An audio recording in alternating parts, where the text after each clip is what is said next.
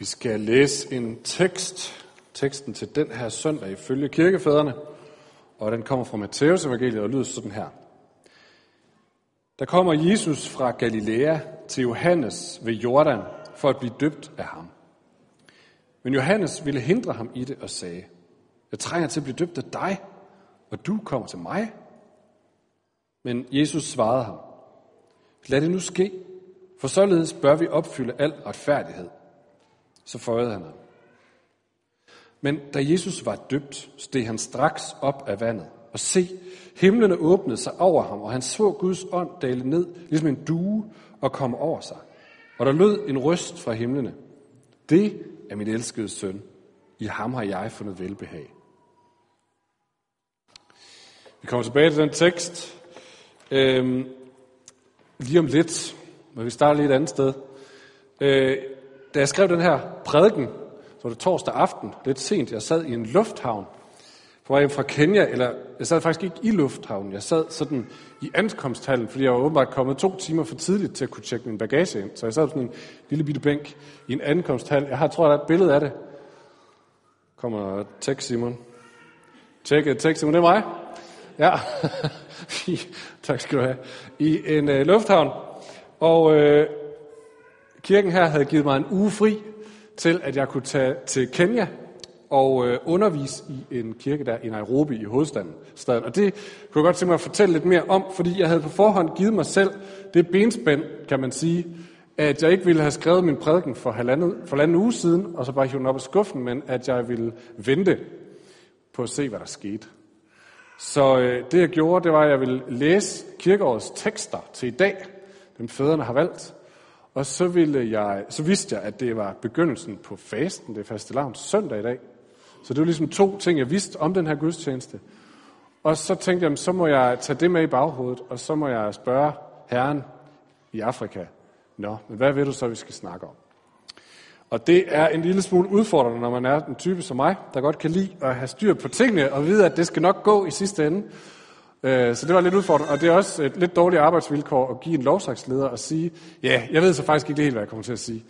Så tak for din overbærenhed, Julie.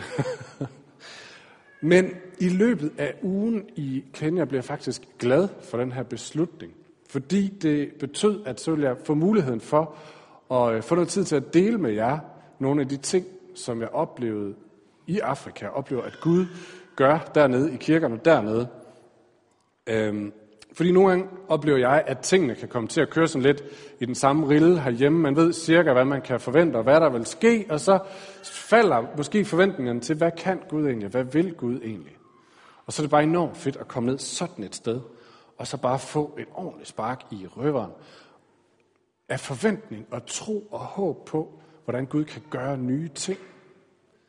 Præsterne dernede gik og sagde til hinanden, God is doing, doing a new thing. Fordi de havde en fornemmelse af, der sker et eller andet nu. Øh, så det er fedt, at jeg også får lov til at dele lidt af det med jer. Og så oplevede jeg faktisk, øh, at min oplevelse der, det kirken var i gang med der, og så de tekster, som jeg havde læst til i dag, til søndag i dag, begyndte at tale sammen. Der var et eller andet fælles, de ville sige. Og som øh, tror jeg kommer til at sende os afsted i dag med en stor invitation til at komme tættere på, men også en stor udfordring. Så det håber jeg, I er klar på. Øh, nogle af jer har oplevet, hvordan det var i gamle dage, når missionærerne kom hjem fra øh, rejse i udlandet, og så kom øh, til et fællesskab, en kirke eller noget, og så skulle vise lysbilleder og fortælle. Nogle af jer har prøvet det. Jeg har forsøgt desperat at finde et lysbilledapparat til i dag. Det kunne jeg ikke. Jeg tror også, det har været dyrt at få fremkaldt lysbilleder. Men jeg tror, noget af det stærkeste ved den oplevelse af missionærer og lysbilleder, det var den der lyd, som et lysbillede sagde. Så også, at de kunne vende forkert billeder, når man så skulle stå fedt med dem. Men, men den der lyd, sådan noget, så jeg tænkte, måske kunne vi gøre det sådan, at hvis jeg nu viser nogle billeder, så siger I lyden. kan vi ikke gøre det? Så hvis jeg nu siger, nu går vi videre til næste billede, så siger vi lige den der lyd. Og nu. Det bliver næste billede. Yes. Godt. Det her, det er Deliverance Church i øh, en, den bydel, der hedder Muja i øh, Nairobi. Det er dem, der øh, hoster, eller hvad skal man sige, øh, den her konference, som jeg var med på. Og man kan ikke rigtig se det, men kirken er ved at blive bygget, og de bygger lidt videre, hver gang der er penge til det. Så noget af kirken er rigtig fint, og noget af kirken er øh, i gang med enten at blive bygget, eller ved at blive pillet ned for at blive bygget om. Øh, men en rigtig fed kirke. Og de har inviteret øh, cirka, hvad var der, 26 teams fra 20 forskellige kirker, dels i Nairobi, dels andre steder i Kenya, og nogle også fra Uganda, til at være med på den her læringskonference. Øh, så der var nok omkring 125 præster og ledere samlet her fra forskellige steder i Afrika. Og hver morgen, så begyndte vi, det skal simpelthen det virker, begyndte vi med lovsang, ledt af en gut, der hed Mike. Han er tidligere professionel basketballspiller, men fik en knæskade, og nu leder han lovsang. Skal vi se, om vi får til at virke? Er der så ingen lyd på? Okay. Han synger en sang, som vi kender. Mange af os. Men øh, vi tager den derfra. Det var super, super festligt. Som vi kan se, så synes jeg, at vi, vi har stadigvæk noget at lære herhjemme. De kunne virkelig hoppe, og de kunne virkelig danse, og der blev virkelig sunget igennem. Det var fedt. Og så havde han et kor med af sanger, der er simpelthen så mange mennesker på scenen. Nå, men så... Jeg ved ikke helt, hvordan jeg styrer det her. Det er det præsterne, som ligesom inviterede længst til venstre, han hedder Oscar, øverst han hedder Richard, nederst hun hedder Angie, eller Angela. Og de var tre af de præster, som inviterede, øh, eller står bag den her konference. Og efter lovsang om morgenen, så skiftede de så en dag hver til at dele et ord fra skriften, eller en bibelmeditation med os andre. Og øh, så deltes vi i to grupper. 16 af dem øh, blev der i salen og, øh, og havde en samling, fordi det var for dem fjerde samling på i alt to år. De havde mødtes hver halve år i to år på den her samling. Og øh, det blev ledt af nogen, en, der hedder Kjeld Dalman, som nogle af jer kender, og en, der hedder David Roy fra Skotland. Og jeg er helt skudt af på det her. Når resten, de gik så med mig og en, der hedder Johannes Thomsen, som nogle af jer kender, ud i et lille telt ude i baggården. Det var 10 teams fra øh, 10 forskellige menigheder. Og øh, jeg ved ikke, om I kan regne det ud, men under en bagende sol, så kan sådan et telt der godt blive rimelig varmt. Og der er en vis form for dresscode code i, øh, i Afrika, eller i hvert fald her. Så det var ikke noget med at komme i øh, badesandaler og shorts, så det var bare skjorte og lange bukser. Og så ellers derinde efterhånden, så begyndte vi, heldigvis, vi var glade for, at afrikanerne sagde også, at det var meget varmt. Så efterhånden så begyndte vi at tale om det der som tabernaklet, tempelhelligdommen. Og øh, vi var så brandoffret i tempelhelligdommen. Det var stramt, det kan jeg godt love jer for. Nå, men så hver team sad så, som I kan se, ved et, et havebord, og arbejdede så i de her teams med, hvad er det, som Gud taler til vores team, i vores menighed om for tiden, og hvor er det, det tror, hvor tror vi, det sender os hen øh, efterhånden. Og øh, det skiftede så i løbet af de her dage med inputs fra mig, eller fra Johannes, eller fra en af de lokale ledere, og så sådan nogle processer omkring brugerne, hvor de sad og talte om, hvad, hvad, hvad taler det her til os om? Er det noget, vi kan bruge til noget? Hvor sender det os hen? Og øh, dengang var der kaffepause, så var det sådan noget, man kunne få et æg til kaffepausen, eller en pølse, eller noget andet. Det var, det var enormt festligt. Godt. Det var et lille vy over, hvad jeg lavede i Kenya, hvad vi lavede i Kenya, og måske var der gav det en lille smule stemningsbillede af det. Øh, men det mere interessante spørgsmål er måske i virkeligheden, hvorfor vi var i Kenya. Hvorfor skulle vi flyve de der øh, 15 timer for at komme derned og brænde CO2 af på det? Og øh, det vil jeg prøve at sige lidt om. Tilbage til Deliverance Church i Umuja. Den her kirke, der kan sidde, det kan man ikke rigtig se, der kan sidde 3.000 mennesker derinde. Det fede for dem, det er, at øh, hvis ikke der er stol nok, så hiver de bare hvide plastikstol ind. Så dem stod der simpelthen bare tårne af. Nå, de, kunne, de kunne have, de kunne have 3.000 derinde. Den var så fyldt hver gang, der var gudstjeneste. Og på en søndag var der tre gudstjenester. Så de havde godt 9.000 mennesker hver gang til gudstjeneste, eller hver søndag til gudstjeneste. Gaderne op til kirken var fuldstændig spærret af fodgængere inden gudstjenesten. Og de blev nødt til at afvise folk i døren, fordi de måtte ikke tage mere end 3.000 ind hver søndag. Altså det, der var noget at lære der, kan man sige. Øhm, første gudstjeneste klokken 7. Det ved jeg ikke, om der er nogen af jer, der er frisk på. Og øh, så er den her church i Umuja bare en af kirkerne i et kæmpestort netværk af kirker, som udspringer herfra. Som er kirker mange steder, bare i Nairobi, i resten af Kenya, og i mange af de andre lande, Uganda, Zambia, og endda en blandt i London faktisk også. Øhm, så en kæmpe netværk af kirker, og det her det er så Oscar igen, som leder den her kirke. Og Oscar fortalte, at for fem år siden, tror jeg, der fik de sådan lidt en bræt opvågning. Der er et, et ordsprog i Afrika om, at tro, kristen tro i Afrika er en kilometer bred, men cirka en centimeter dyb. Så alt er kristendom, og alle kan sige, Buona Sefue, og alle kan sætte tag på deres bil, hvor der står, Jesus is my Lord, buzz, eller et eller andet, eller Jesus saves haircut, eller et eller andet. Alt er kristendom, alle kan snakke kristent, så at sige. Øh, men når man så kommer ud, så har man måske stadigvæk en to-tre elsker inder boende rundt i forskellige dele af byen, eller troen er bare ikke kommet særlig dybt. Den er der søndag, men ellers ikke.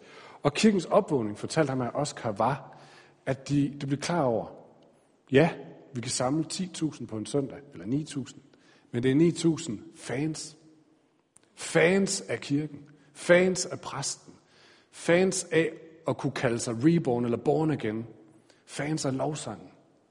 Men når de går hjem, så er deres liv ikke anderledes fra nogen som helst andre kenianer. Det har faktisk ikke gjort et indtryk på dem, det her. Og de læste Bibelen og læser, at Jesus han sagde, gå ud og gør alle folkeslag til mine disciple, til mine efterfølgere, til nogen, som har taget det her ord ind, og hvor det har fået lov til at forvandle deres liv. Og de sagde, vi er ikke sat i verden for at skabe 9.000 fans. Vi er sat i verden for at kalde folk til efterfølgelse af Jesus. Sådan at det får lov at forvandle deres liv, og med dem får lov at forvandle Kenya og Afrika. Og det, der måske var med til at gøre det ekstra tydeligt for dem lige nu, det er, at Afrika, og særligt en storby som Nairobi, i meget høj grad oplever at, at, at blive oversvømmet af vestlig kultur. De kan jo også se YouTube, de er jo også på Snapchat og Instagram og hvad ved jeg. Og de, øh, og de, bliver, altså, de bliver tvunget igennem den proces, kan man sige, Vesten har brugt et par hundrede år på at komme igennem. De bliver simpelthen mast igennem sådan en lille bitte rør på meget, meget kort tid. Så Vestens gode ting, kan man sige, øh, øh, influerer, men også Vestens dårlige ting, som materialisme, individualisme og en meget, meget høj grad af, af sådan præstations- eller fremstillingskultur, blæser bare ind over dem. Og, og de ved snart ikke, hvad de skal gøre ved det.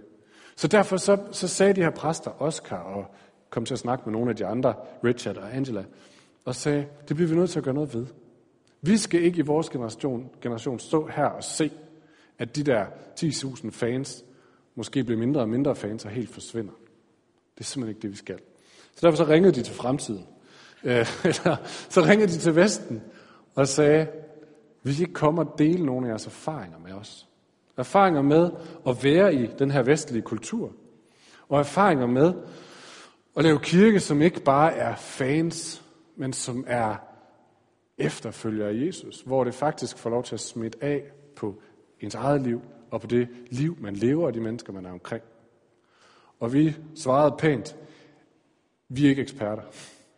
Og nej, vi er ikke lykkes med det 100% herhjemme. Men vi vil gerne dele med de erfaringer, vi har gjort os, og de ting, vi har oplevet, virker og ikke virker. Og øh,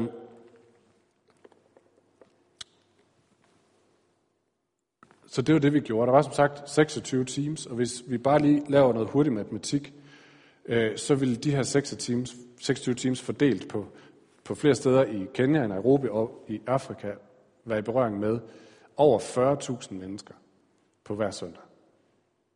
Over 40.000 mennesker hver søndag. Som, og de her 125 ledere går og siger, tænk, hvis de her mennesker får lov til at finde ud af, at Jesus er ikke bare et idol, man kan være fan af. Jesus han er en, der kan komme herind og forvandle mit liv, og kan forvandle min familie, kan forvandle min landsby eller mit nabolag, kan forvandle alt det, som ser sort ud. Det var deres håb og deres drøm. Og det er rørende at få lov at være med i. Richard fortalte, at for nogle få år siden, inden han sådan kom i gang med at snakke om det her, så var han simpelthen ved at brænde sammen. Han var ved at gøre det, som han fortalte, man gør i Kenya, hvis, hvis livet i Nairobi bliver for hårdt, så flytter man uplands, så flytter man ud til et eller andet stykke landbrugsjord, man har i familien, og så dyrker man øh, grøntsager og kyllinger, og så har man i det mindste noget at spise. Han sagde, han lige ved at gøre det, fordi det der kirkeliv, hvor kirken er fuld af 10.000 fans, som står og siger til præsten, giv os noget mere. Det var ved at kvæle ham. Han var ved at dø af det. Han sagde, ja, han kunne næsten ikke mere. Han var lige ved at smutte. Men det her med at begynde at snakke om, kirken er ikke 10.000 fans, præsten er ikke en showmaster. Nej, kirken er efterfølger af Jesus, der hører fra Gud, og som selv lever det, og selv tjener med det, man er blevet givet i hinandens liv og i byen. Det gav ham håb. Det gav ham håb for, for kirken og for troen og for sig selv. Så han holdt ud endnu. Øh, for at være helt ærlig, så var jeg bange for at komme sådan med den hvide mands program. Og komme og sige, nu skal I bare høre, den hvide mand siger, og så vil de sige, yes master. Og det, øh, det var jeg virkelig bange for. Jeg, jeg kunne simpelthen ikke forestille mig noget mere ubehageligt, end at stå i den situation. Men hver gang vi havde en kaffepause, hvor vi sad og spiste et æg eller et eller andet, så blev jeg bare igen og igen fortalt historier af forskellige af de her folk, som kom og sagde, hvor stor mening det gav den her samtale for dem. Hvor meget vand på tør jord det var. Hvor meget håb det skabte i deres hjerter. Og en missionær, som har været udsendt til Afrika tidligere, fortalte mig, nej, det kan godt være, at de ikke vil sige til dig, at det var ikke særlig godt, men de vil aldrig invitere dig igen, hvis ikke det var godt. Og lige nu har de sat anden samling i gang. Det vil sige, at de har kørt fire, og nu går de i gang med et nyt hold, og ti nye er kommet til. Så efterhånden blev selv min kritiske natur overbevist om, at det her, det giver virkelig mening. Så torsdag morgen ledte Mike igen lovsang. Det var sidste dag på konferencen. Og øh, jeg græder meget sjældent. Spørger min kone, hvis I er i tvivl. Men den der morgen, der stod jeg simpelthen med vandet løvende ud af øjnene. Øh, fordi jeg stod sammen med de her 125 ledere, som sagde, vi tror, at Gud gør noget nyt. Vi tror, at de her mere end 40.000 mennesker, vi er i berøring med, vi tror, at Gud vinder med dem. Og øh, bagefter delte Angela et ord fra skriften, og, øh, og sagde, venner, jeg tror, jeg tror, det er nu. Det er tid til at stole på Herren. Og det er tid, på, at vi, tid til, at vi med Herrens hjælp vinder Afrika tilbage. Ikke bare os selv, ikke bare vores kirke, men Afrika. Og jeg havde sådan en fornemmelse af, at hvis jeg giver slip nu, så hyler jeg. det var fantastisk, fantastisk stærkt. Og det vi delte med dem var ikke magi, det var ikke genialitet. Det var i bedste fald bare simple ting, som fik dem et sted hen, hvor de lyttede til Gud, og hvor de hørte, hvad han faktisk sagde til dem. Så, nej, det skal vi ikke have nu. Vi kan lade hende stå. Øhm, så jeg bringer de varmeste hilsner fra flere af dem, som sagde, hey, hils din kirke hjemme i Danmark. Og, så det vil jeg gøre, sige tak, fordi at jeg har fået mulighed for at få lov at være med dernede og få nogle af de oplevelser, noget af det tros, trosstyrkende håb.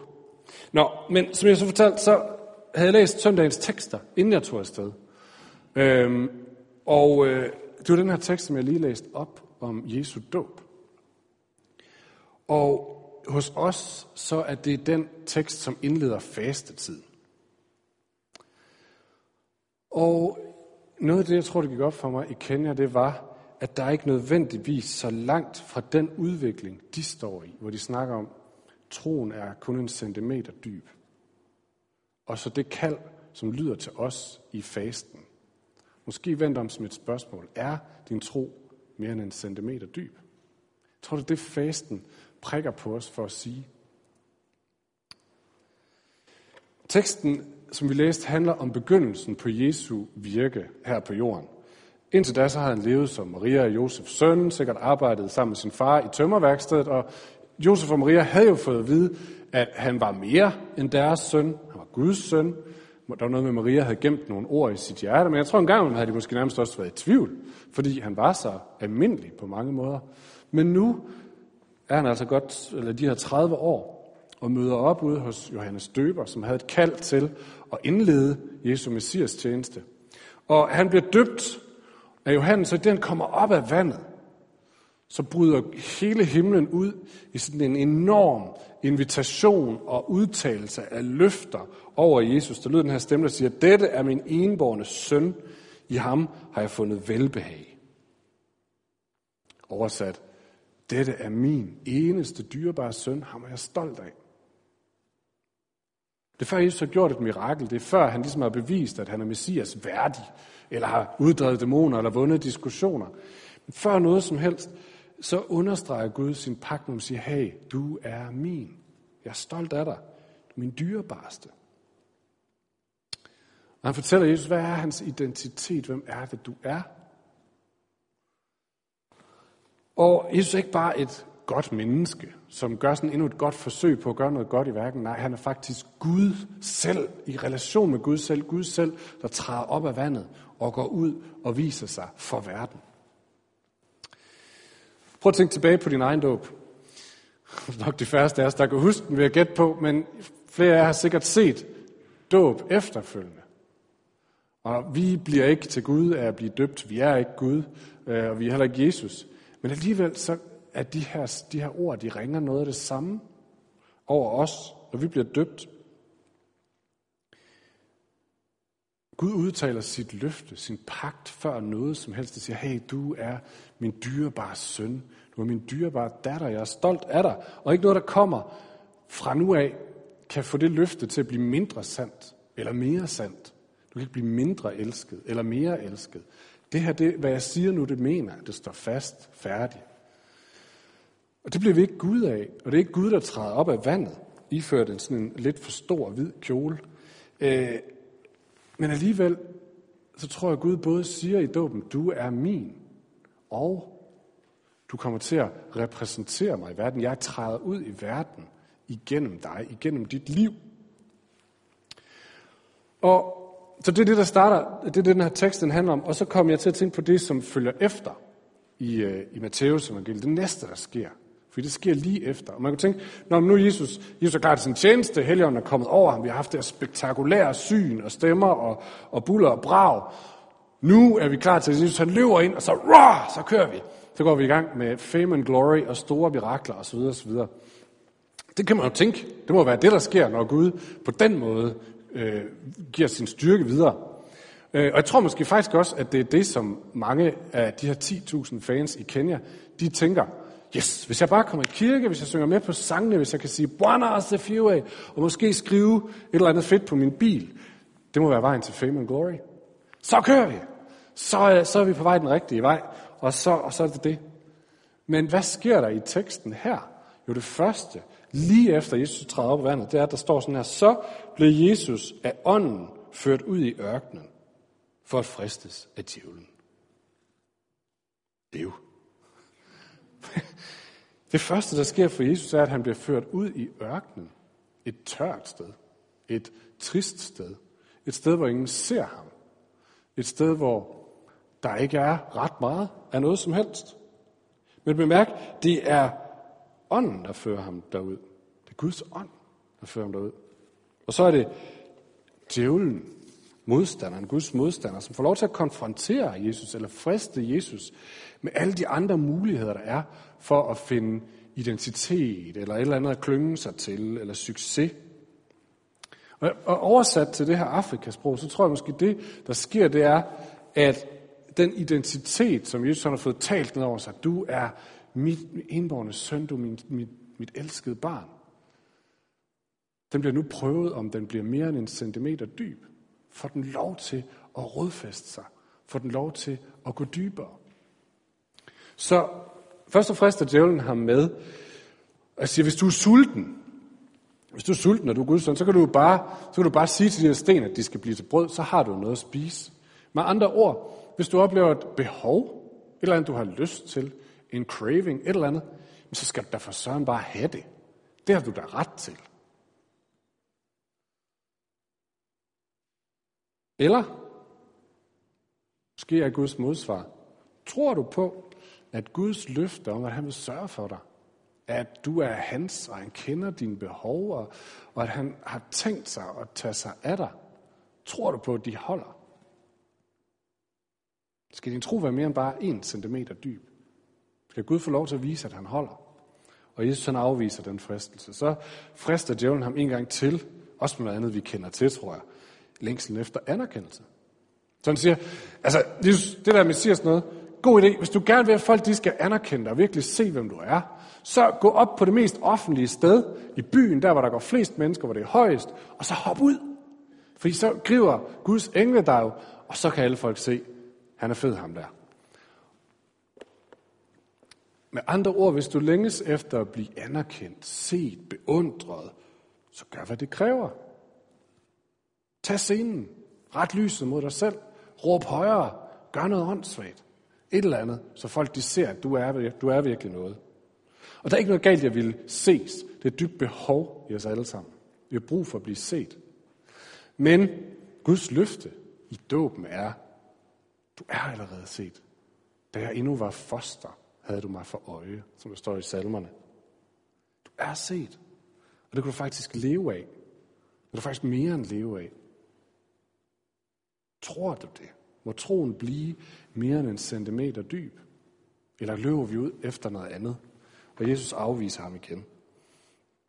Til sidst så frister djævlen ham med at tage den hurtigste vej til at få opfyldt sine ambitioner. Vil du gerne være verdenshersker? Ja, det er fint. Så tilbyd mig. Kort og godt. Hvis dine personlige høje ambitioner kræver et vist sådan, at du finder noget, cutter nogle moralske hjørner eller et eller andet, så gør da det. Så gør da det. Dine ambitioner er vigtige. Eller, eller, tror du på, at Gud har styr på din plads i den her verden, og at han kommer til at åbne de døre og lægge de ting foran dig, som han vil, at du skal indtage? Tror du på, at han ved, hvad der er bedst for dig? Og Jesus afviser ham igen.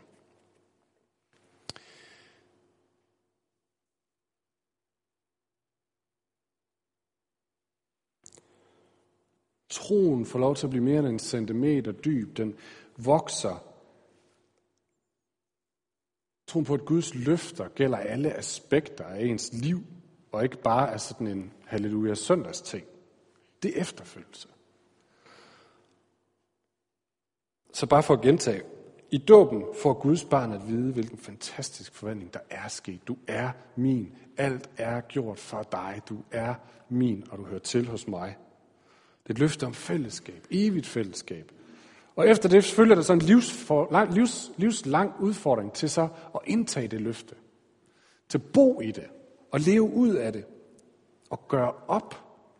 Gøre op med alt det andet, der forsøger at tage pladsen. Og det de jo ærligt sagde, i Kenya, det var, at alt for mange giver op i ørkenen her. De kommer om søndagen, og så løber de ud og finder deres identitet eller trøst eller håb i alt muligt andet. Og så bliver det sådan en pendul, så kommer de tilbage næste søndag. Oh yeah, one as a few. Og så løber de ud og finder deres mening og håb og trøst i alt muligt andet. Det ændrer ikke på Guds løfter. Guds nåde kommer stadigvæk først og påvirkes ikke af, om vi formår at leve en dybere tro i vores liv. Men konsekvensen er, tror jeg, at glæden og håbet, freden, trygheden, hvilen, som følger af, at Guds løfter får lov til at fylde os, den forsvinder. Så bliver det en frem og tilbage. Og den her mulighed for, at Gud får lov til at vise sig for verden, velsigne mennesker, igennem vores liv, den bliver begrænset. Så bliver kirken sådan en lille søndagsboble, hvor vi mødes for lige at få lidt, og så løber vi ud og lever et almindeligt liv. I stedet for at blive en forvandlende kraft igennem alle os. Så det gode i Kenya er, at de er ærlige. Og nu skal jeg snart til at slutte, kan jeg se. I dag er faste lavn søndag, og øh, på onsdag er der aske onsdag, øh, traditionelt. Og så følger der 40 dage frem til påske. Og der har kirken traditionelt kaldt det faste. Fordi det er en invitation til for os at blive ærlige. Så bliv ærlig og sig, er vores tro mere end en centimeter dyb, eller er der kommet alt muligt i vejen? En gammel kirkefar, Johannes af Chrysostomos fra 300-tallet, han har sagt sådan her om fastetiden. Fasten er sjælens åndelige forår, der driver lidenskabernes vinterstorme ud af dit liv. Fasten er sjælens åndelige forår, der driver lidenskabernes vinterstorme ud af vores liv. Lidenskabernes vinterstorme. Det er lige steder, hvor vores sjæl på en eller anden måde har grebet sig fat og sagt, øh, hvis bare det her det kan holde mig. Hvis bare det her det kunne give mening. Min sjæl længes efter dig, siger salmisten i salmernes bog. Og fastens spørgsmål er, længes min sjæl efter Herren, eller har den fundet alt muligt andet? Venter jeg stadigvæk på, at Herren han holder sine løfter, så min tro bliver dyb og grundfæstet, eller griber jeg i, hvad jeg nu lige kan finde? Har vores nydelsessyge eller vores ambitioner øh, eller behov for anerkendelse for lov at styre os. Fordi vores tro er konstant, tror jeg, i far for at blive tyndere og tyndere og tyndere. Det bliver mere og mere sådan en søndagsting. Noget vi siger, i takt med, at fristelsen til at stille sin tørst et andet sted bare vokser. Og derfor så er det godt, at fasten kommer sådan årligt. Vi bliver lige bragt tilbage og sagt, hey, bliv lige ærlig med dig selv. Er din tro mere end en centimeter dyb? Så hvor er det nu ved fastentidens begyndelse, du bliver udfordret til forårsrengøring? Måske er det serierne fra Netflix. Efterhånden så er de kommet derind og fylder sådan cirka to timer hver dag. Og vi bliver formet til discipleskab af CSI, eller hvad ved jeg. Måske er det tid til at sige, ud med det. Og lad restløsheden og ensomheden få lov til at fylde, så vi venter på Herren. Måske er det de sociale medier, fordi efterhånden alle vores pauser bliver brugt på at sammenligne os med andre. Er jeg nu lige så god som ham eller hende, eller sådan eller sådan. Måske skal det ud. Forårsrengøring. Måske er det, måske er det kager og sødsager, måske er det bare mad, sådan helt generelt. Sådan var det jo i den rigtig gamle faste. Mad, som man mærker, som man ikke undgår at mærke. Jeg mangler noget. Og min opmærksomhed bliver rettet mod, Gud, jeg mangler noget, jeg længes. Vil du give mig det, jeg har brug for? Ikke for at slanke os, men for at skærpe vores opmærksomhed på Gud.